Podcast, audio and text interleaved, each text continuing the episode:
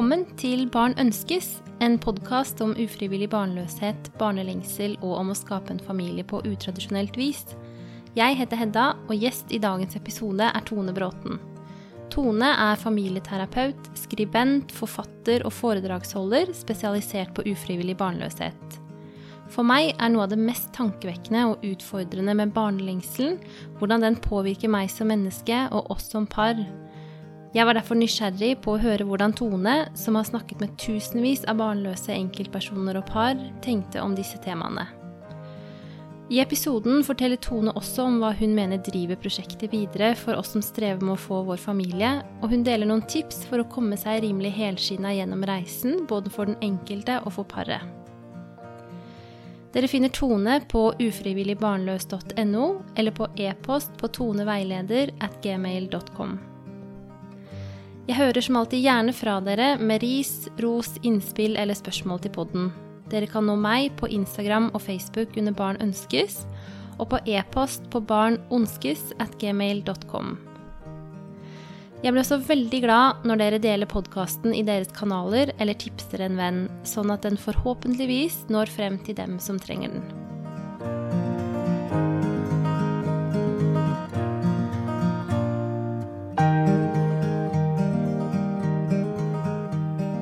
Hei, Tone. Velkommen til Barn ønskes. Jo, tusen takk for det. Du, Kan ikke du begynne med å fortelle litt om deg og om uh, ditt arbeid med ufrivillig barnløshet og assistert befruktning? Ja, jeg heter da Tone, ja. Uh, jeg kan jo fortelle litt om bakgrunnen da hvorfor jeg starta med det her. Ja, veldig gjerne. Det er det mange som lurer på. Um, jeg hadde jo bakgrunn i skole og barnevern. Eh, som lærer og saksbehandler og familieterapeut. Så jeg jobba egentlig med barn og familier eh, hele tida, da. Eh, og så, når jeg hadde jeg jobba som lærer, hadde fjerde klasse, så hadde jeg lyst til å få barn selv. Jeg og mannen min. Og så viste det seg at det skulle bli problematisk, og at IVF var liksom den eneste måten vi kunne få barn på. Og jeg ante egentlig ikke så mye om hva IVF var for noe. Det her er jo nå elleve år siden. Mm. Barna mine er ti år. Ja, da blir det vel elleve og et halvt, nesten tolv, da. Um, så var det sånn at um, jeg måtte da gjennom IVF kontakte en privatklinikk. Fordi mannen min liker ikke sykehus, så jeg måtte finne et eller annet som ikke ligna på sykehus. Uh, og så Det var da gamle Aleris som vi var på da. Og um, kjøpte en sånn her trepakk. Det syns jeg hørtes smart ut. Mm -hmm. Eh, og så begynte vi på Og jeg, jeg har alltid liksom ansett meg sjøl som en ganske sånn sterk person, så jeg skjønte ikke hva problemet med det her skulle bli, eller være. Eh, og så starta vi på første forsøk, og det blei mislykka. Andre forsøk mislykka. Og da begynte jeg liksom å, å, skjønne at det her er kanskje ikke så lett som vi tror. Mm. Um, og tenkte Jeg kjente ingen som hadde vært sammen med eller som hadde gjennomført det her, eller var i det samme som meg. Eh, og da husker jeg ringte til Ønskebarn og sa jeg har dere noen sånn støttegruppe eller noe for de som er inne i IMF. Nei, vi har bare støttegruppe for de som er i sorgprosess, som ikke har klart det. Og da mm. tenkte jeg at det var jo litt tidlig å begynne med nå. Vi var jo ikke ferdige engang, så det, så det, det passa liksom ikke. Og da kjente jeg vel på den derre Jeg hadde fantastiske sykepleiere som jeg virkelig likte. Jeg hadde samme lege hver gang, så jeg var veldig heldig. Men allikevel så var det et eller annet sånt som jeg savna der på det liksom emosjonelle planet. da, Det følelsesmessige planet. Mm. Um, og så begynte jeg å føle på det liksom, når jeg så foreldre hente barna på skolen og tenkte at her, tenk om jeg ikke kommer til å oppleve det her. Og det slo meg veldig hardt. Uh, for det var så veldig kom så overraskende inn i livet, på en måte, at det her skulle bli et problem. Men uh, Tredje forsøket det gikk heller ikke. Uh, og fjerde forsøket så uh, fikk jeg da første gang uh, en positiv test. da. Og i og med at jeg er tvilling sjøl, så hadde jeg så lyst på tvillinger, så jeg hadde liksom overtalt klinikken til å sette inn to embryo hver gang. Mm. Um, og den HCG-en var ganske skyhøy, så den viste jo at, viste at det var tvillinger. Og da kom jo den andre uroen. Tenk om jeg mister? den ja. var også helt ny. Hadde jo aldri følt noe sånt før. Så det kom så utrolig mange nye følelser som var så eksistensielle og så dype og så sterke. Eh, som jeg var helt eh, uforberedt på. Mm. eh, og som jeg følte at jeg ikke hadde så mange jeg kunne snakke med om, da, som var i den prosessen. Og så var det enda mer nesten tabu og mer skambelagt på den tida, syns jeg, enn det det er nå. Jeg kunne ikke finne noen blogger eller noen som sto så åpent fram om det på den tida der. Så um, det var liksom um, Det var liksom vårt møte med den IVF-verden, da. Um, og vi holdt jo på en stund også, ikke sant? Så den satte i meg. Så når jeg uh, begynte å skulle videreutdanne meg til familieterapeut, så skrev jeg en sånn hovedfagsoppgave om ufrivillig barnløshet. Og det var jeg den første som noen gang hadde gjort på familieterapistudiet. Eh, og så tenkte jeg jeg må eh, Så jobba jeg da i barnevernet den tida, så jeg hadde jo også eh, godkjent noen adoptivforeldre. Eh, noe som vi gjorde kommunalt da. Og så var jeg jo terapeut da inn i familier. Eh, og så bare brant jeg for det her eh, emnet. At jeg må hjelpe de som driver IVF-prosessen. Jeg klarte liksom ikke å legge det fra meg. Mm. Og da starta jeg med å hjelpe først på et lite kontor på Strømmen. Starta med gruppeterapi og, og hadde enkelte og par. Og det gikk eh, kjempebra. Eh, og så eh, reiste jeg rundt på klinikker. Jeg bare reiste rundt i klinikker og sa hei, jeg heter Tone, jeg skal fortelle historien min. Og begynne, begynte å fortelle om hvordan det opplevdes da, å være i prosessen. Mm. Eh, og da fikk jeg jobb i Trondheim på en klinikk. Så jobba jeg der litt. Og så jobba jeg i Oslo, og så plutselig så jobba jeg for en klinikk i Russland. Ja. Så jeg satt da fra å være ei som tok litt pasienter på si, til å bli eh, en terapeut internasjonalt. Mm. Eh, hvor jeg hadde pasienter fra hele verden. Eh, så jeg, har bare, jeg har jobba med liksom, IVF-pasienter her i Norge, og så har jeg jobba veldig mye med de som skal ha sæddonasjon her i Norge. Mm. Og så har jeg jobba veldig mye med eggdonasjon og embryoadopsjon eller dobbeldonasjon. Da. Mm. Eh, og så har jeg jo da I det her så har jeg hele tida vært opptatt av hvordan skal vi formidle det her til barna. jeg har jobba så mye med barn, så jeg syns det er så viktig. Mm. Så da um, har jeg skrev, skrev jeg to barnebøker. En som er da til foreldre av, som har brukt sæddonasjon, som heter 'Ola er laget av magisk rumpetroll'. Og så Den er veldig fin og morsom. Og den kom bare til meg på toget fra Oslo hjem en gang. Det var, bare, var akkurat som boka bare lå i hodet mitt og var liksom ferdig til å skrives ut.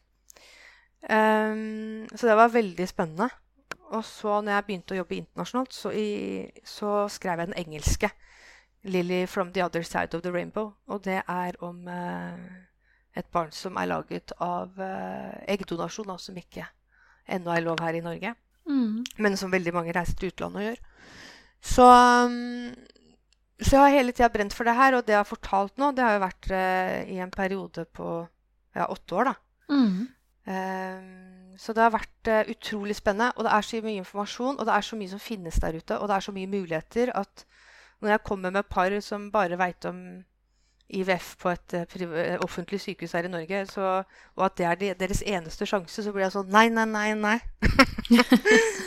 jeg ser liksom på alle pasienter som uh, kommende foreldre. I min verden så er det nesten uh, umulig å ikke bli gravid, men det er en del um, etiske grenser, selvfølgelig, som man skal trå over eller skal være villig til å gå over for å komme til målet.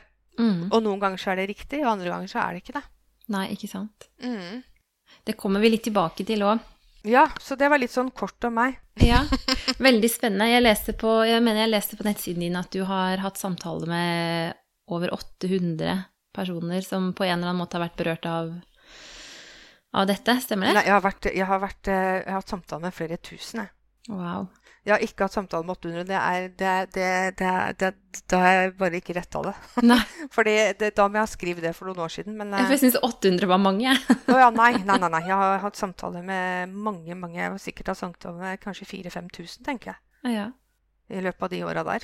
Så det er jo et veldig bredt eh, Da er det jo både privat- eller enkeltpersoner og par, og de som holder på i Norge, og de som søker seg til utlandet også. Så du, du mm. snakker om et, eh, et veldig bredt spekter av klienter, tenker jeg da. Ja, det blir jo både de som på en måte er i startfasen, som tenker forebyggende, som jeg kunne ønske at flere gjorde. Eh, og så har du da de par som er under behandling, og så begynner det å gå trått, så de trenger litt eh, bistand. Og så er det eh, de som da er ferdig med IVF-en og ønsker utland eller et alternativ. da. Og så er det også lesbiske. Det, er, eh, det kan være mm, de som eh, er enslige, som vil da dra og få en embryodonasjon. Så det er liksom det er liksom alt, da. Men det er liksom det å få barn som er i fokus hos alle. Mm. Det er det som er den røde tråden. At det er vanskelig. Hva gjør man da? Hva gjør man når ting blir vanskelig? Hvem, hvordan skal man klare å takle hverdagen når ting blir vanskelig? Akkurat det temaet her, som er kanskje litt spesielt fra andre temaer. Ja. Og så er det jeg, Du sa jo i stad at um, noe med at du opplevde at, at, den, at, den, siden ved det ikke ble så godt ivaretatt den gangen du var i behandling selv. Og så, jeg hører jo til en offentlig klinikk i, i Norge, mm. og jeg mm. opplever nok veldig at um, det er den medisinske siden ved behandlingen som det er fokus på, og så mm. er man veldig overlatt til seg selv med den emosjonelle biten og hva det betyr for meg som menneske og for oss som par og alt dette her. Mm. Mm. Ja, hvor, jeg lurer på hvor flinke syns du at uh, de som er uh, ufrivillig barnløse i den situasjonen her, er til å oppsøke deg eller lignende tilbud?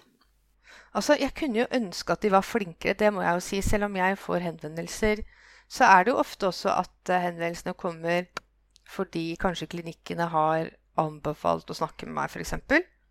Uh, eller at de har lest Altså, de fleste har liksom brukt så lang tid på å kontakte meg. Noen har hatt en sånn Husker det var ei som hadde klippet ut et, uh, en artikkel om meg i KK eller noe sånt, og så lagt i skuffen sin, hatt det der et år. Mm -hmm. og så kontakta hun meg liksom at det å gå til terapeut kan være vanskelig i det temaet her, akkurat fordi at det kan være så skambelagt. da. At man tenker at det her skal jeg mestre sjøl. Uh, jeg må jo være sterk nok til dette her. Jeg, jeg skal ikke gå til noen terapeut. Jeg, jeg er ikke psykisk dårlig, eller jeg er ikke syk, eller jeg er ikke svak. Uh, Istedenfor å, å, å, tenke at uh, Oi, nå skal jeg tenke forebyggende. Nå skal jeg ha energi til å klare å gjennomføre det her. Og, og ikke minst å tenke parforholdet, tenker jeg da. Mm. Uh, og um, få litt hjelp til å, å, se hva som er vanlige reaksjoner da, under akkurat det her. Og, og jeg, mange jeg snakker med, har jo eh, gått til psykologer eller andre terapeuter, men som da er veldig flinke til å på en måte ta vare på det her følelsesmessige. Men, men så kan de så lite om temaet. Hvis du sier at ja, nå skal jeg ta opp fra frys, eller uffa meg, de dyrker ikke til plastocyst, eller Eh, hva skal jeg gjøre nå? Neste forsøk er da, men da må jeg vente for eggløsninga da, og så skal jeg begynne på sprøyter. Og, og, så kan ikke de det medisinske, og så blir det en sånn mangel der liksom for dem, da. Mm. Eh, og så kan de møte Jeg har også opplevd eh, pasienter som har eh, kanskje følt på litt motstand eh, fordi terapeuten f.eks. De merker bare at terapeuten er f.eks. imot eggdonasjon. Eller en annen type donasjon. At det, det blir at de, de merker stemninga, på en måte. Ja. Um, enten av legen sin eller av uh, kanskje en terapeut de har uh, oppsøkt. Eller at uh, de mangler f.eks. kunnskap om alternativer, hva som er mulig. ikke sant? Mm. Så det, det, det, det, merker i hvert fall jeg at det kan være lurt da for pasienter å ta kontakt tidlig for å normalisere det de står i. Mm. At uh, dere er ikke de eneste. Det her er uh, vanlig. Det er vanlig å føle det sånn. Det er vanlig å kjenne det sånn. Det er vanlig å tenke sånn. Mm. Uh, det er jo viktig når man begynner å synes at ting er trått. Mm. Tenker jeg. Mm. mm. Men, hvordan, hva, men, hva, er det dette, hvis vi skal prøve å generalisere litt, hva, hva gjør det med oss å være i en sånn situasjon som, som mennesker, emosjonelt og mentalt? Hva skjer med mm. oss? Ja, det skulle jeg skrive noe Det, det tenkte jeg skulle det har, jeg, det har jeg tenkt litt på.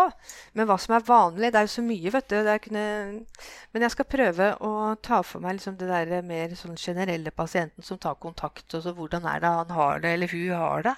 Ja. Og det er jo at uh, de er jo altså frustrerte. Og det er jo fordi de, plutselig så kommer man som menneske inn i en prosess som er ukontrollerbar. Og det er så skummelt for oss, for det vi vil, det er jo å ha kontroll, for kontroll betyr jo trygghet. Mm. Eh, så det som er viktig for meg i møte med pasienter, det er jo det at de tilhører en klinikk som de har en tillit og trygghet til. At de kan legge noe av ansvaret over på de. At eh, jeg stoler på at dere gjør det dere kan for å lage mitt barn. Mange sitter og føler ansvar for sine egne forsøk.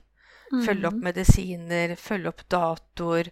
eh, Og så plutselig var det noe som gikk feil, så er det kjempeskremmende, ikke sant? Mm. Eh, skaper masse stress og kaos i situasjonen. Um, så, så, så de som, de som eller Det som er vanlig, det er eh, den derre kontrollbiten, i hvert fall. Den derre følelsen av å miste kontroll. Og så er det også det her med uvisshet. Da man, man veit liksom ikke når man blir gravid. Og hadde noen sagt til en pasient at ja, men du blir jo gravid 1.6.2019, så hadde man jo ikke vært så veldig nervøs eller nedstemt, egentlig. Da hadde man jo visst at jeg skal gjennom dette her, ja. Mm. Og så blir jeg gravid 1.6.2019. Men det at du ikke veit, det gjør jo at veldig mange føler at nå står livet helt på vent. Mm. Nå må jeg bare legge fram alt. Jeg kan ikke bytte jobb. Jeg kan ikke begynne på det kurset. Vi kan ikke planlegge den reisa. Vi kan ikke eh, gifte oss nå, liksom. Det er veldig mange som da lever nærmest i en sånn IVF-boble hvor alt fokuset blir dette barnet. Og det er forståelig, for det er sånn det blir. Mm. Men da må man lære seg noe verktøy for å eh, komme ut av det. Noe som jeg jobber mye med, da. Mm. Eh, og så er det det her med knuste forventninger. Vi hadde ikke sett, akkurat som jeg opplevde det sjøl, vi hadde ikke sett for oss at det skulle bli sånn. Det var ikke sånn her det skulle bli. Det her skulle, Mm. ikke jo, det her skulle jo ikke bli vanskelig. Vi skulle ikke bruke masse penger eller tid på dette her. Eh, og mange føler jo en veldig sånn eh, sorg over at eh, man kom liksom ikke over Man, man kommer ikke over liksom i neste fase i livet. Mm. Det er sånn det her med å være to, og så blir til tre, og så blir man tre, og så vil man bli fire. For det er jo også de jeg møter som har fått én og skal ha nummer to. Uh, og det er også i hvert fall skambelagt for mange, fordi at de tenker får en sånn holdning utenfra at ja, men hei, dere har jo én. Nå må dere glede dere over henne eller han. og Mm. jeg skal ikke klage når jeg har én, liksom. Men Så de kan jo føle seg også enormt ensomme. eh, og føler ikke, liksom ikke rett til å klage. Men det er noe med at det her morsinstinktet sier at 'jeg er ikke ferdig', liksom. Mm. Jeg er ikke ferdig nå. Jeg skulle ha, skulle ha to eller jeg skulle ha tre. Så noe med å eh, møte noen som sier at det her er helt normalt. Det her er helt normalt. Å føle det nesten like sterkt. Og en ekstra side ved det er at jeg ønsker søsken til mitt barn. Og det er jo eh, Det er jo eh, en ting som eh, de som ikke har barn, de veit jo ikke styrken av det heller. Nei. Når du ønsker noe godt for barnet ditt. Det er ikke bare deg og mannen din lenger.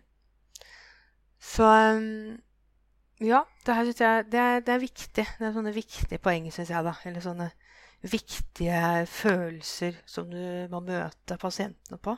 Mm. Mange syns jo at øh, de liksom ikke kjenner igjen seg sjøl, da.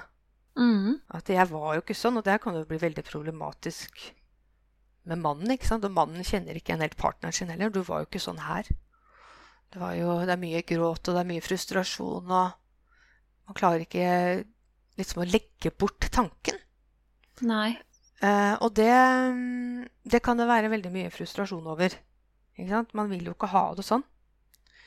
Eh, så kan det være ensomt i det. Eh, ensomhet, og noen kan jo ofte isolere seg. Spesielt da fra de som er gravid med nummer én og flagrer høyt, eller de som er gravid med nummer to, og så vil man ha to, eller da, da kan man fort begynne å isolere seg litt. Da man orker ikke å oppsøke situasjoner eller mennesker som trigger ved sorgen sin. Da. Mm. Så um, det er jo også ting jeg jobber masse med for å klare å mestre det her på en god måte. Uten å liksom pushe seg sjøl for mye. Mm. Um, Jeg kjenner meg igjen i alt du sier. Ja. er det godt å høre på? ja. ja. ja, det skjønner jeg godt. Det, det, er som regel det for mange. Mm. Så, som jeg snakker med, bare åh, nei, men her er det jo her er det jo noen som skjønner meg. Mm. her som, oi, her er det noen som forstår.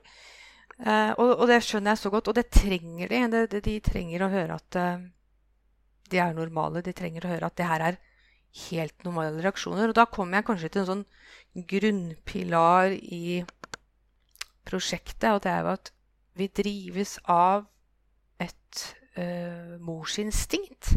Mm. Og det morsinstinktet, det er Altså, det kan ikke sammenlignes med en uh, følelse eller tanke. Det, det er så sterkt. Og det er derfor det her tar helt overhånd. Og, og, det er jo så negativt på en måte at det tar så overhånd, men samtidig så er det motoren i prosjektet. Mm. Sorgen blir motoren i prosjektet fordi hadde vi vært likegyldige til å få en eller to, så, så hadde vi ikke hatt det som trengs da, for å gå videre i prosjektet. Så sorgen blir jo eh, en fiende på en måte for å fungere i hverdagen for noen. Mm. Eh, men så er den også nødvendig for å få oss videre i prosjektet. Mm. Og da er jo Det er jo så utfordrende fordi at i alle andre prosjekter så blir det sånn Vi er så vant til liksom Så lenge vi liksom gir masse energi inn i det her, så får vi et resultat. Det er det vi er vant til i jobbsammenheng. Hvis vi planlegger en reise, hvis vi bygger et hus, så får vi det ferdige resultatet. Mm. I det prosjektet her så kan vi liksom legge inn så mye energi, og så, og så får vi ikke det vi forventer på det tidspunktet vi vil. Nei. Og det kan være utrolig frustrerende. Og i hvert fall for en mann. Det er noen ganger vi glemmer det, for menn er veldig løsningsorienterte. Mm. Og de vil jo Altså, de hadde stått på huet for å gi deg den ungen, og så går det ikke, liksom. Nei, det er ingenting de kan få gjort. Nei. Og det er så eh, frustrerende for dem, ikke mm. sant? Så, så det er Ja, det er sånne poeng som eh, som kommer fram. Også det her, er det det her med mistillit til egen kropp, da. Mm. Hvorfor klarer ikke kroppen min det her? Og det er sikkert egga mine, det er sikkert hinna mi. Jeg gikk sikkert fort ned trappa etter det der egginsettet, egginnsettet, og så spiste jeg litt laks på lørdag, og så trykka jeg litt hardt når jeg bæsj. Altså, altså, du aner ikke. Det kommer så mye. Og så er det sikkert skjebnen da, som har bestemt at ikke jeg skal få et barn, eller det er ikke meningen at det er en straff fordi jeg tok en abort da jeg var 18 år, eller det er straff fordi jeg var utro, eller Det er veldig mange tanker om hvorfor det her ikke har skjedd hos en kvinne. Mm. Men hos en mann er det ikke det. Nei. Da kommer ikke det samme. Og så er det så forståelig på en måte at de her tankene kommer fordi det er jo mye enklere å ha en grunn enn å på en måte ikke ha en grunn i det hele tatt. Mm. Altså det, det skaper kaos. Det kan skape angst. Det her, hvorfor skjer det ikke? Vi vil ha svar. Og da finner vi alle disse svara, da. Som egentlig ikke har noe med virkeligheten å gjøre. Eller vi, vi på en måte straffer oss sjøl på litt at nå skal jeg ikke Nei, nå får jeg ikke lov å trene, og nå skal jeg ikke ta et halvt glass vin selv om jeg ikke er under behandling, eller skal jeg ikke unne meg den jenteturen, eller nå skal alt Nå skal jeg liksom gjøre alt for det prosjektet her. Mm. Så vi kan være ganske slemme med oss uh, sjøl, vi, vi damene. Så jeg prøver jo å jobbe veldig Og det er faktisk ikke så vanskelig å endre uh, de tankene der, syns jeg, hos pasienter. Det, det, det, da må man få en sånn innsikt i hva er det jeg kontrollerer i denne prosessen?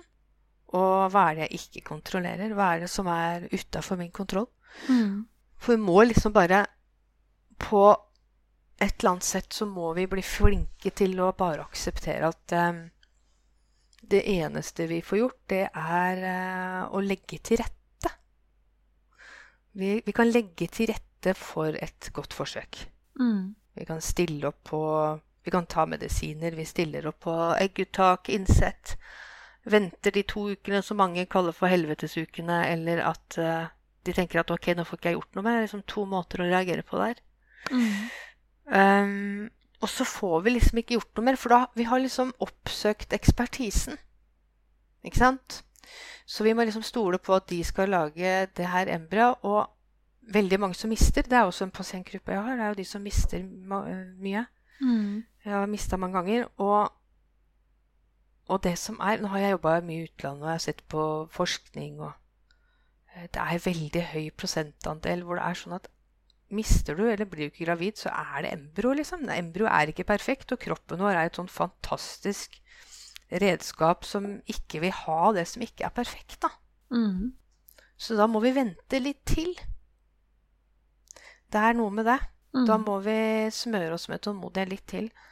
Uh, og da vil man jo ofte tenke at ja, men hva hvis det ikke går nå, da? Hva gjør jeg da?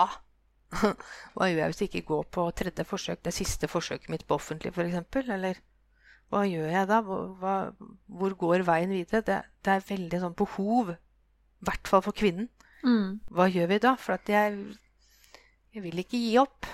Jeg vil ikke akseptere at det ikke går. Og det skal man heller ikke. Hvis man føler at uh, man ikke er klar til å akseptere det, så skal man ikke gi seg. Nei. For det finnes så mye ekspertise og alternativer der ute mm. at uh, det er veldig sjelden jeg anbefaler noen å gi seg, i hvert fall. Det må være at man har uh, Jeg ser jo fort, da, om, om det er en, et, en pasient som aksepterer at nå klarer ikke jeg mer. Mm. Eller om det er en pasient som har mer å gå på. Mm. Mm.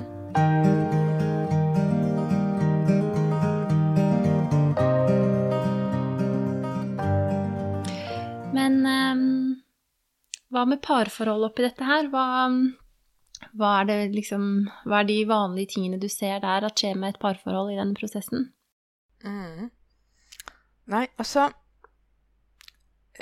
det jeg syns er spennende, det er jo når et par kommer inn i terapirommet, så um, ser jo jeg veldig fort um, kjemien, da, mellom, uh, mellom det. Uh, det er veldig ofte at uh, dama gråter litt, og da ser jo jeg liksom Tar han og legger en hånd på henne, eller er det vanlig med sånn fysisk kontakt og støtte mellom dem, på en måte, da? Mm. Um, og um, de um, Altså, de vanligste, det vanligste er jo at det er kvinnen som har dratt mannen med seg. Mm -hmm. uh, noen ganger så er det ofte sånn at uh, nå skal jeg dra med deg hit, sånn at du skjønner hva jeg står i. Mm. Skal du skal forstå hvor vanskelig jeg har det, så skal denne terapeuten uh, kjefte på deg litt for at du ikke støtter meg nok eller er med i dette nok, eller som jeg forventer. da. Um, men, eh, men, så er det sånn at uh, når kvinnen er altoppslukt i det her sexlivet dreier seg om å lage barn sånn at den her, Mange sliter jo da uh, med å um, Eh, beholde et godt sexliv fordi at uh, de, de, føler at det er den der prøvinga hele tida. Det er ikke så lett for en mann å være sånn, jeg kaller det noen ganger sånn avlshingst. Som på en måte skal prestere akkurat der og da. Liksom, romantikken blir ganske borte oppi dette her. da. Mm. Uh, så, så, det kan jo absolutt uh, være et problem. Jeg, jeg, har vært borti hvor det har vært så vanskelig å gjennomføre et samleie at de har brukt engangssprøyte til og, og rett og slett fått sæden inn når de skal. At det har vært så vanskelig. Mm. Så det er liksom én ting. Og en annen ting er jo det her eh, emosjonelle. Mm. Eh, altså hvordan skal vi støtte hverandre? Hva har du behov for? Hva har jeg behov for? Mm. Og mannen tror jo ofte at han må si veldig mye. Eh, han har jo så lyst til å løse problemet. Men eh, han får ikke løst det problemet. Og, det, og, jeg pleier å si til mannen, og da pleier menn å le, da Hvis jeg sier f.eks. at det er ikke noe vits i å diskutere med en hormondrage, sier jeg.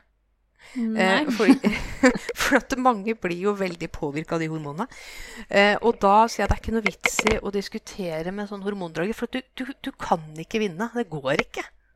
det, vi er så verbale. Det er samme som premenstruelle damer. Altså, Vi er så verbale at vi vil jo ta rotta på dem uansett. Og da er jo, da er jo liksom eh, litt sånn helvete løs, Mm. hvis du skjønner.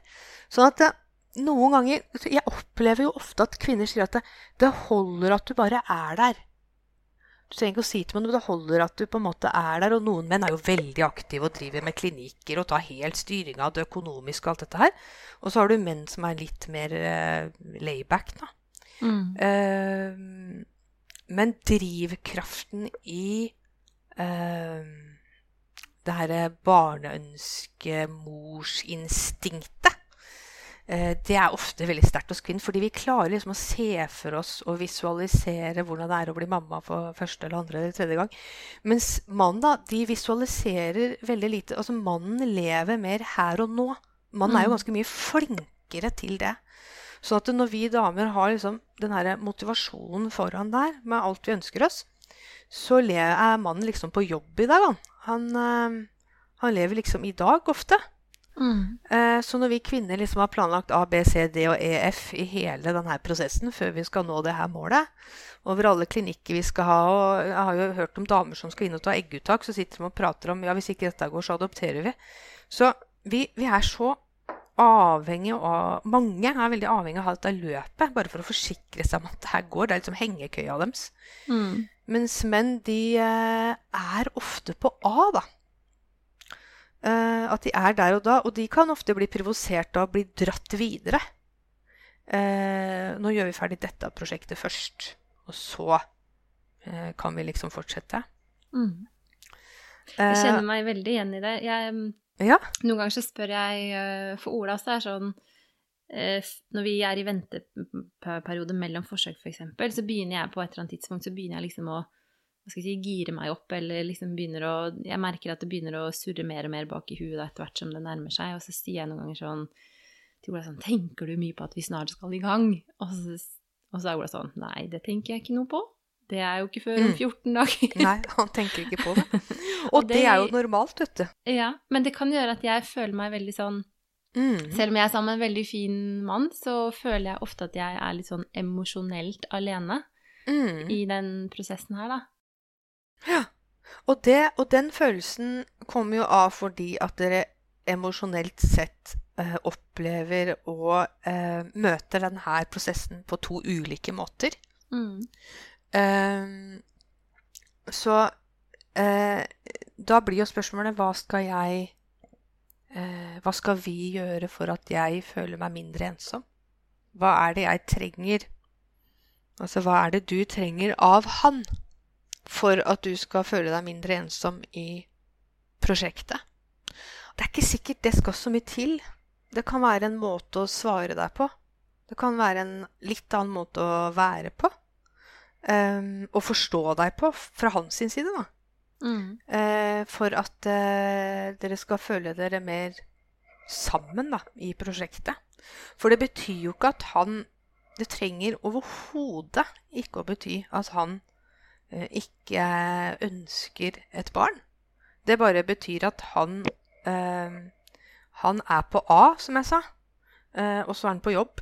og så er det 14 dager til til det her skjer. Og han trenger ikke å forberede seg så eh, mentalt som deg til pro prosjektet. Du skal jo gjennom en del medisinsk, ikke sant? Mm. Eh, men han trenger ikke å forberede seg på det. Det som er hans rolle, det er å støtte deg eh, oppi det her. Og så leser han jo ikke tankene dine og følelsene dine heller, så hvor mye energi du legger i det. Hvis ikke du på en måte legger det fram for han hvor mye du bruker av energi og tanke på det her, så er det jo også helt umulig for han å, å vite. Og mange kvinner blir jo sånn bebreiende overfor mannen. 'Å, du har ikke like lyst som meg', eller 'Ja, men uff a meg, jeg har det mye verre enn deg', og 'har du ikke lyst til dette prosjektet', og 'du tenker jo ikke på det her'. Men så Det som er helt sikkert, er at det, da hadde det jo blitt fullstendig u, øh, eh, tragisk, for da hadde jo begge to på en måte vært nede. Én må, en må holde oppe, og det er jo ofte mannen er den som liksom holder fokus, eh, er den her positive 'jo, jo, dette går'. Eh, og, og hvis vi mister den, da, så vil man jo ikke det heller. Nei. Man vil jo ikke miste han som tenker enkelt. Han som tenker at 'å ja, nei, men da er det neste gang'. For det er vi som klusser det til, som regel. Mhm. Med alle tanker og følelser. Så i stedet for å bebreie, så går det jo an at kvinnen eller vi også og tenker annerledes om mannen. Og tenker at nei, vet du hva, det er egentlig ikke negativt at han eh, er rolig nå og tenker at ja, nå er det jo 14 dager til. Det er jo egentlig ikke negativt, det. Eh, fordi at da eh, er vi bare i hvert fall én i parforholdet som eh, går litt ned fortelling akkurat nå. Mm. Eller en i paret som er litt nervøs og lei seg, eller eh, frustrert eller nervøs, eller hva man er før det her eh, forsøket, ikke sant? Så jeg tenker at det kan være Jeg tenker at det kan være en annen måte man sjøl også tenker om mannen, som kan gjøre at du føler deg mindre eh, ensom, men også mer heldig. Jeg er litt heldig, fordi han går i hvert fall ikke ned. Han er den stabile, eh, våkne og rasjonelle. Mm. Og så må jeg få lov å eh, følge mine følelser og tanker, ikke sant? Mm.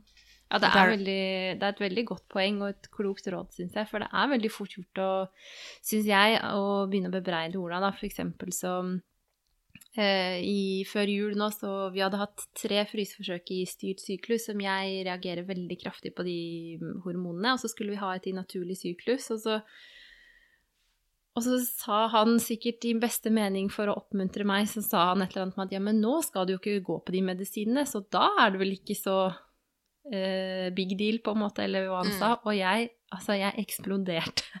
Ja. ja. Fordi det, at, nå blir eh, dette lett, liksom. Ja, og da Og jeg følte siden bare sånn Du skjønner jo ingenting. Nei. nei. Og det, og det kanskje de er litt sånn uvitende om, det er jo at eh, selv om det virker at å ja, men nå er det bare et fryseforsøk, for eksempel. Mm. Så når man liksom står overfor et forsøk, om det er frys eller om det er hva det er, så ripper man jo opp i såret igjen. Alle, altså kroppen husker jo alt man har vært igjennom. Mm. Sånn at det selv om han tenker at det her bare er et fryseforsøk, eller du tenker kognitivt da, i hodet at det her er bare et fryseforsøk, så er, kommer kroppen i samme tilstand igjen, ikke sant? Kommer i deg alarmberedskapet. Nå er vi i gang igjen. Mm. Eh, og det ser jeg ofte fordi noen sier at de har lyst til å ta en sånn lang pause. Det er ikke så mange som klarer det. Men noen sier at nå skal jeg ta en lang pause for at vi skal få avstand til dette. Og det kan være veldig godt på farforholdet. Det kan være godt å eh, innhente, innhente energi. Men det de får litt sjokk over, det er at når de starter igjen, så kommer kroppen i samme beredskapen. Sant? Ja.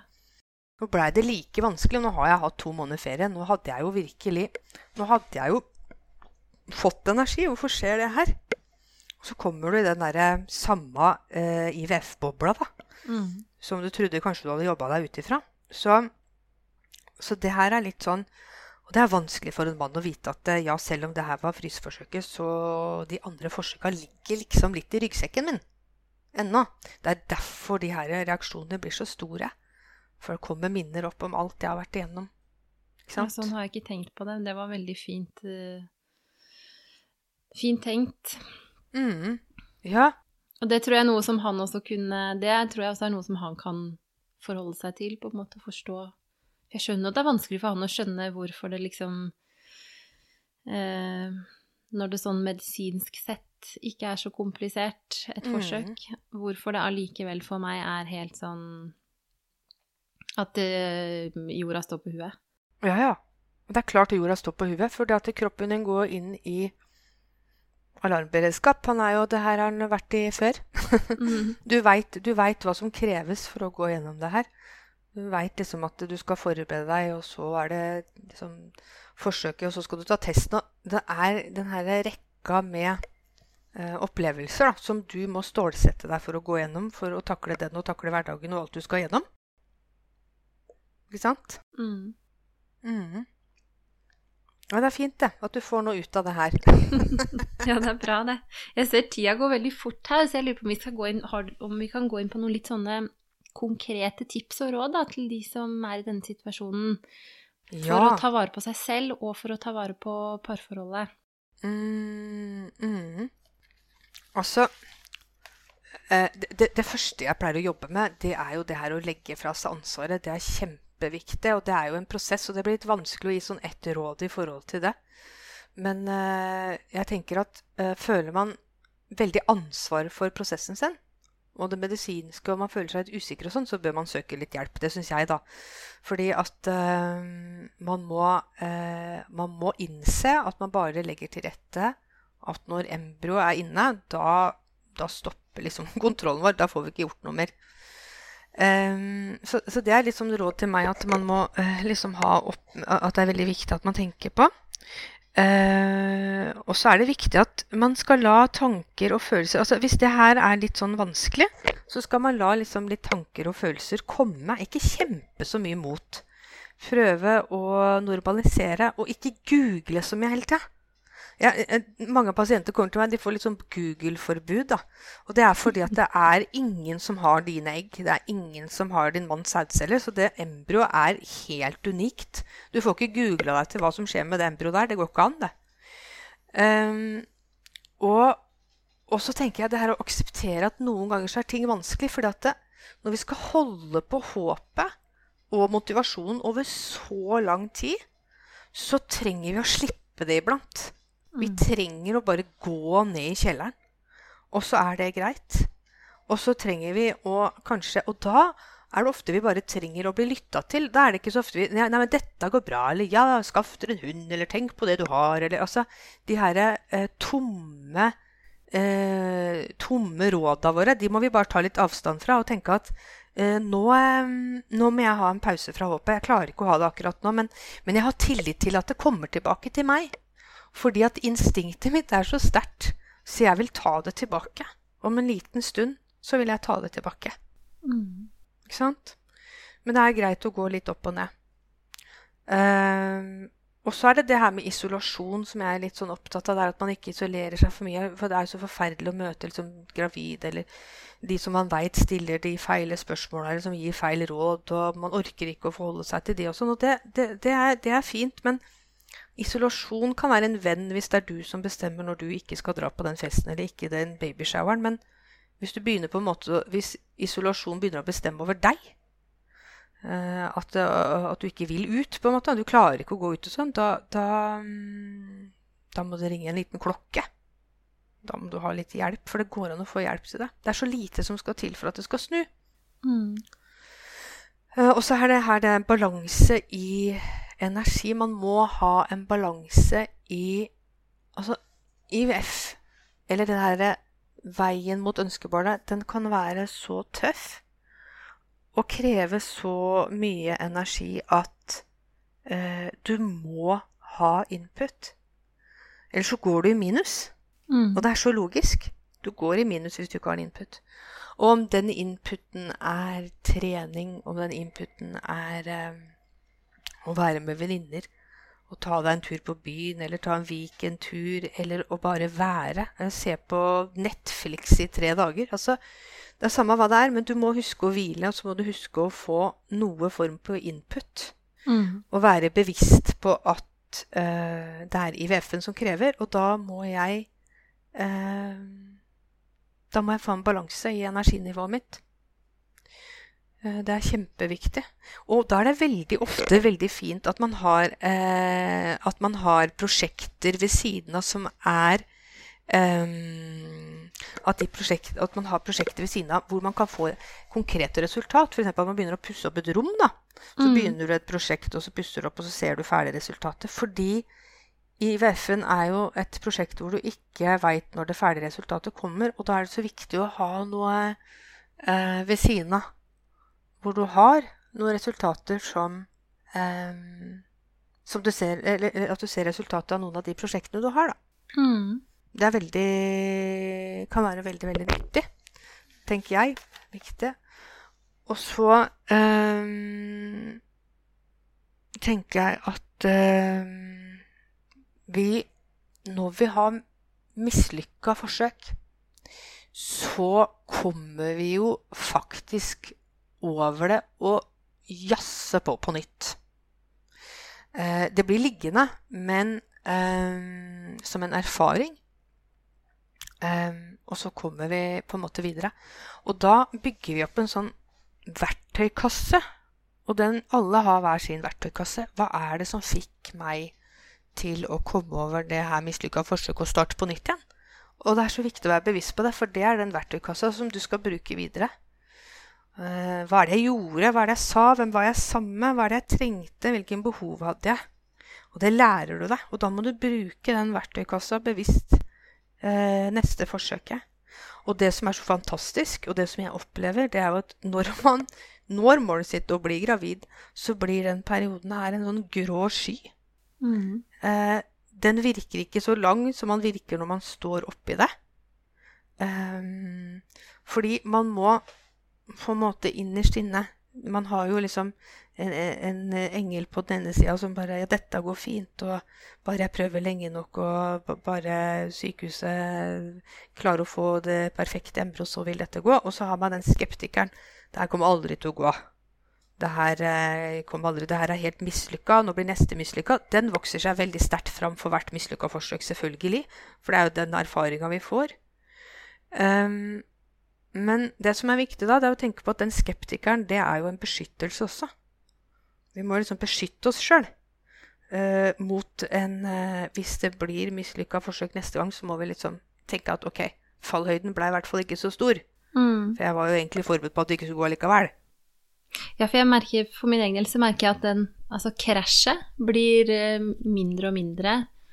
Men så er det mer en sånn litt mer sånn dypt liggende sorg som kanskje blir større og større, eller en sånn mer sånn uro for vil det gå til slutt, hvor lenge orker vi å stå i det? Den vokser, men den derre mm. der umiddelbare nedturen og det, det krasjet, den, den blir litt sånn rutine. Å ja. finne en måte å takle det på. Mm. Ja, og det blir jo Og jeg tenker at den sorgen som du føler da, det er jo eh, fra morsinstinktet ditt, ikke sant? Mm. Det er så dypt. Um, og når du føler på det, så kjenner du at Vet du hva, det her er så sterkt, så jeg kan ikke gi meg nå.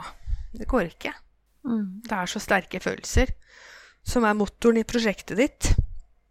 Så Og um, Så det er Jeg har et sånn hvitt bilde på dette her, for dette, jeg, jeg har jobba med så mange som sliter og, over så lang tid, og så veit jeg at ja, men det kommer til å gå, liksom. det er liksom tro på. Og jeg veit jo også at det er jo ingen klinikk som hadde tatt inn et par hvor de tenkte at dette ikke går, liksom. Det hadde vært helt umulig. Sædcellene er for dårlige, eggcellene er for dårlige, eller man har eh, eh, altså man har en genfeil eller endometriose eller PCO eller Altså man har alle disse tinga som gjør det vanskelig, da. Eh, men allikevel så tar man jo en vurdering. En medisinsk vurdering. Det er eksperter på en måte Hun skal ta vurdering at jo, det her tror vi går. Dere får en trepakke på Riksen, eller dere får en trepakke på et privat sykehus, eller på privat klinikk. Mm. Og man gir jo ikke det hvis man tenkte at det ikke var noe sjans. Ikke sant? Så er en sjanse der. Det er en sjanse der. Det er det det er. Men akkurat dette var eh, et spørsmål som jeg fikk til denne episoden med deg, var akkurat dette med eh, Når vet man at nok er nok? Og det er noe som jeg har hørt flere snakke om også. Mm. Og da tenker jeg at det er jo En ting er jo når nok er nok for jeg eh, håper å si hele prosjektet, egne barn, enten det er eh, egne genetiske eller via donasjon eller adopsjon eller andre måter. Men også, det er jo liksom det er jo, nok, det er jo noe, det er noe med at det er nok er nok eh, på litt sånn forskjellige nivåer. Mm. At det kan hende nå er det nok med å prøve med egne egg, f.eks. Eller ja. nå er det nok å prøve at jeg skal bli gravid. Og så er det jo et eller annet sånn den ultimate nok er nok. Mm. Nå finner vi en Kan du si litt om den, den modningsprosessen det er? Mm. Altså, jeg tenker nok er nok når det ikke er et spørsmål. Fordi de jeg treffer som ikke vil mer, eh, de vet det. De vet at det kan ikke mer nå. Det kan være eh, økonomisk. Det kan være at partneren ikke vil. Det kan være at man ikke orker mer. Ikke sant? Og så veit man bare det. Mm. Eh, og den følelsen blir så sterk at den overskygger instinktet har, og sorgen som har drevet deg, da. Um, så er det sånn at hvis man skal som, Altså en sånn vanlig Et vanlig IVF-par, som jeg kan kalle det, det er jo sånn tre på Riksen, tre privat og utland. Mm. Det er den veien det på en måte går. Um, og um, det er de fleste ganske villige til å gjøre. føler jeg, da. Uh, mange, mange, som gjør det. Uh, og så er det litt sånn at uh, Hvis du skal åpne døra for f.eks. eggdonasjon, da må du jo ha fått lokka en dør først. Da må det være sånn at eh, eggene dine er så dårlige at du har fått beskjed om det, eller at du har mm. tatt så mange forsøk at man tenker at nå er det på tide å gi seg. Og når du får lukka den døra, da kan du åpne en ny. Men det er veldig vanskelig å åpne døra for donasjon hvis eh, sjansen til genetisk barn er enda åpen. Og spørsmålet er jo hvem er det som skal lukke den døra. Fordi mange syns jo det at å, det var, altså, nå har eh, gynekologen min vært så direkte og sagt at nå trenger det ikke det òg. Nå, nå, nå, trenger ikke nå, nå, bør du ikke prøve mer, liksom. Da er det jo han som på en måte på et medisinsk grunnlag har lukket den døra. Men eh, hvis du sjøl må lukke den døra, og står til ansvar for det, så vil du jo ofte tenke ja, men hvis jeg prøvde en gang til Hvis jeg prøvde en, en eneste gang til Ja, men hvis jeg tar det på en annen klinikk Ikke sant? Mm. Så den vil jo drive deg. Så, men når du innser at Oi, jeg, jeg, tror faktisk ikke går nå. Nå orker jeg ikke flere. Nå orker jeg ikke flere forsøk. Og det er jo klart at når prosentandelen stiger til værs ved eggdonasjon, eggdonasjon Du veit at det er eh, veldig høy sjanse for å bli gravid med eggdonasjon. Så er det, så er det ofte at, eh, at, det blir motivasjonen, da. Fordi du har holdt på så lenge. Mm. At du vil bare Men det er jo klart at det blir jo ikke genetisk. Der går vi jo inn på noe helt annet, og det er jo på en måte hvordan bearbeide Eh, den fasen. Mm. Eh, som jeg kan masse om. Eh, det, det, handler sånn Hvis jeg skal si det litt sånn kort sagt, da, så handler det jo om hvordan du ser på donor. Og din egen rolle i prosjektet. litt sånn det er jo du og partneren din som bestemmer eventuelt donor. Om det er sæddonasjon eller eggdonasjon, så er det jo et planleggingsprosjekt fra, to, fra dere to. Og så er det da eh, Hvis det er eggdonasjon, så er det jo ikke sånn at det blir et barn av den eggcellen uten en mannens sæd eller uten din livmor. Altså du er en del av prosessen. Har, eh, det er én del som har mangla. Det er denne cellen. Eh, når det her embryoet eh, kommer inn i livmor, så er det jo også kvinnens kropp som er med på å aktivisere gener i det embryoet. Mm. Pluss at man får den her prenentale tilknytninga til barnet i magen. da. Sånn at man er veldig aktiv i denne prosessen med å forme barnet. Mm. Um, og det er det jo veldig mange som er litt sånn uviten om. Uh, og det snakkes jo lite om det fordi det er liksom ikke lov her, selv om de fleste på klinikker, i hvert fall privatklinikker i Norge, ønsker å gjøre det her lovlig, mens politikerne ikke vil det. Men uh, så, så, så, det er det med eggdonasjon, i hvert fall. Og det med sæddonasjon det kan være litt mer sårt for en mann. Noen menn er helt sånn enkle som er ja, Og noen kvinner òg. Ja, eggdonasjon, det er ikke noe problem. Eh, og så er det det her med sæddonasjon. At eh, menn Menn eh, har jo som oftest Det ligger litt sånn herre Eller mye skam i det her med å ha eh, dårlig sædkvalitet eller ikke sædkvalitet, sæd som fungerer i det hele tatt. Um, for vi er litt sånn ja ja, og for jeg egget, liksom, egget i eggstokken min. Liksom. Vi har ikke sånn veldig sånn personlig forhold til det. Mens menn er litt mer sånn herre ja ja, svømmerne mine, liksom. Hvis du skjønner.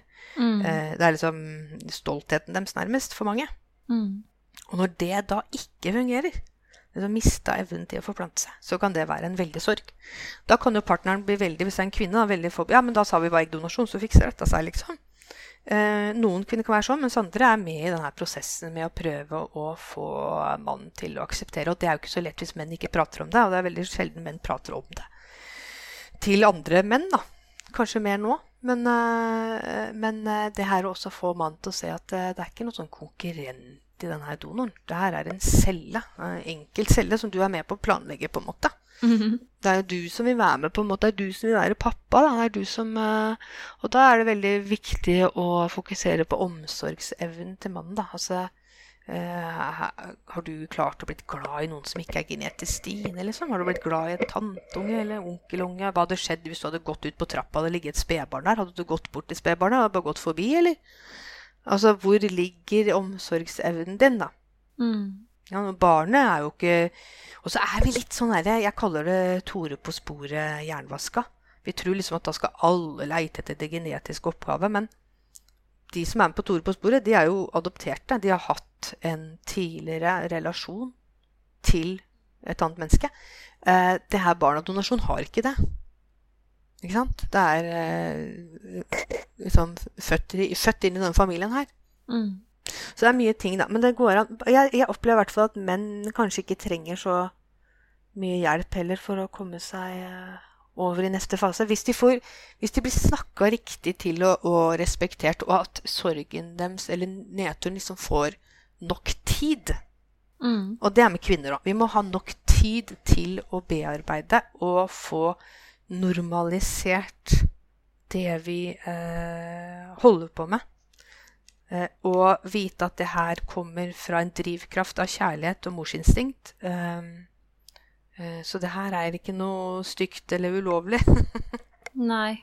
Det er viktig. Når, når, du sitter og snakker om dette med Jeg sitter og snakker der, så, så sitter jeg og tenker på at um, med datteren min så husker jeg at når hun var sånn rundt seks måneder, så For hun er jo vårt genetiske barn, men, men uh, jeg syns det var sånn helt utrolig fascinerende og fantastisk å se på henne og tenke at Tenk at alle byggeklosser i deg eh, kommer fra Altså kommer fra meg, enten fra da du var i magen, eller at jeg har amma deg. Mm. At, eh, og den, den lille opprinnelsescellen er jo bare en bitte, bitte liten eh, byggekloss i hele den ungen, da. Det syns jeg var helt mm. sånn en fantastisk ting, da. Og det får man jo også med en donasjon, tenker jeg da. Mm. Man gjør det. Og det er jo ofte at eh, altså, Man kan jo velge mange ulike løsninger. Jeg har jo hatt par hvor man har brukt eh, egg fra familie, f.eks. Søster eller ja. Uh, og så har jeg sittet med gravid som har tatt donasjon, og så har de sittet sånn høygravid, og så har de sagt liksom ja, det, her, det er jo mitt, da. Det er jo jeg som mater det her barnet. Det er jo jeg som gir dette barnet livet i gave. Mm. Og det er jeg veldig opptatt av, og det er jeg veldig opptatt av skal formidles til barn også. Hvem er det som har gitt dette barnet eksistens? Ville dette barnet eksistert uten den avgjørelsen? Eller Barnet vil jo ikke de bli dette Og Det som er veldig uh, spennende, det er jo at det byrået ville jo ikke blitt det samme hvis det hadde blitt plassert inn i en annen kvinne, liksom. Mm. Den kroppen hadde jo ikke aktivert de samme genene, liksom. Det er, det er, veldig Det er veldig spennende. Men det kreves um, Det er så lite som liksom skal til for at man skal Man må få noen sånne innsikter for å tenke og føle annerledes. Mm. Det er det som er viktig. Jeg merker jo litt med den der um, mer sånn i forhold til om nok er nok.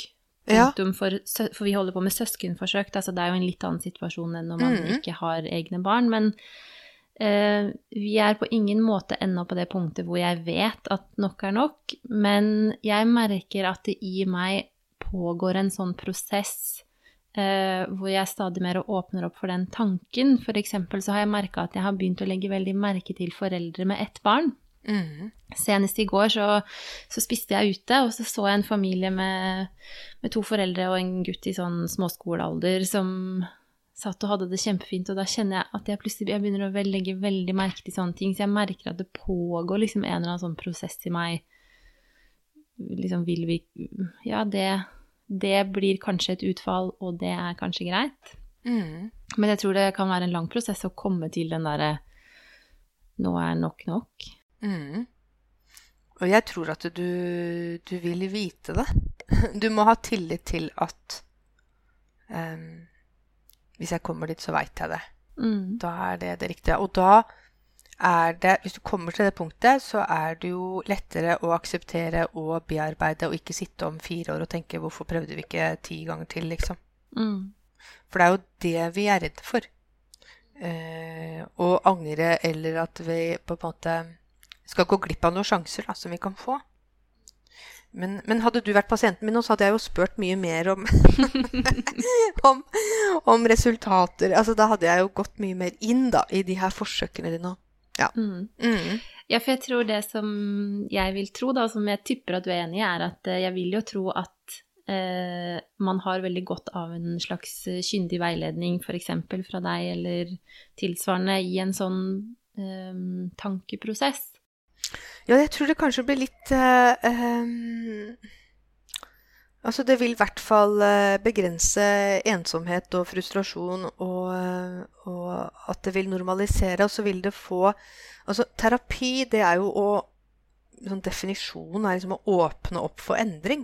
Mm. Og det er jo åpne Altså, når ting blir vanskelig, så har vi godt av å åpne opp for andre, tenker, andre måter å tenke og føle på. Um, og da kan man trenge, trenge litt uh, råd.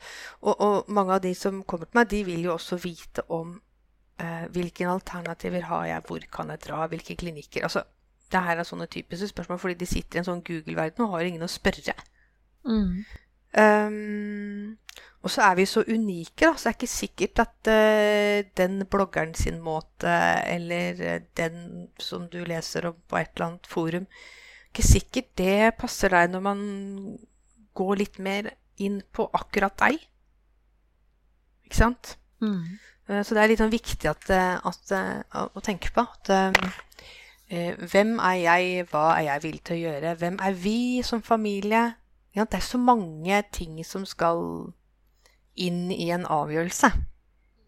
Som ikke man kanskje aleine bør google seg bare til, da. Mm. Fordi det du skal ta en avgjørelse på, det skal du leve med etterpå. Ikke sant? Derfor er det viktig på en måte å legge litt i det. Tenker jeg. Hvis det høres Det høres veldig klokt ut. Ja, ja, det er bra. Mm. Vi nærmer oss eh, en eh, avrunding, men eh, er det noe annet viktig som du syns at vi skulle ha fått snakket om? Jeg tenker at det er viktig med forebygging. Jeg tenker at man bør oppsøke eh, og snakke med meg eller noen andre, sånn at eh, man får liksom normalisert, eller blir kanskje litt mer forberedt på hva dette er. At man ikke trenger på en måte å gå rett i eh, At man går litt i kjelleren, da. Mm. Eh, når man opplever Og at det er For det er så, mye, det er så sterke følelser. Det er så sterke følelser. Og det er Jeg ser på alle som kommende foreldre, fordi jeg anser det nesten som umulig å ikke bli gravid i dag. Så Samtidig som jeg har en dype respekt for de som eh, velger å avslutte. Men, da, men jeg ser det veldig fort. Mm. Nå. Uh, hvem som er der. Ikke at jeg pusher det fram, for det gjør jeg ikke. Men for folk, den, den, avgjørelsen må komme fra en sjøl. For det er jo en sjøl som skal leve med det, da. Mm. Men det å ikke gi seg. Ikke gi seg hvis eh, eh behovet er så stort, da. Mm. Man veit sjøl med sin indre stemme hva som er riktig. Mm. Og så er det kanskje utfordringen å klare å lytte til den og mm. finne ut hva den egentlig sier. Ja, og det kan jo endre seg underveis. Og det er jo sånn jeg sier at det, det er vanskelige perioder hvor håpet må legges bort, og klarer ikke å holde på det lenger, og så tar du det tilbake. Mm. På et tidspunkt som er riktig for akkurat deg. Mm. Ikke sant? Mm. Tusen takk, eh, Tone, for eh, at du ville være med på podkasten og dele dine erfaringer. Ja, det var bare hyggelig. Jeg, skal, jeg håper det hjelper mange. ja, og så skal jeg sørge for å få med Eh, jeg håper å si webadressen din, og sånn at folk kan finne deg. Mm. Så tusen takk. Jo, takk for at jeg fikk være med.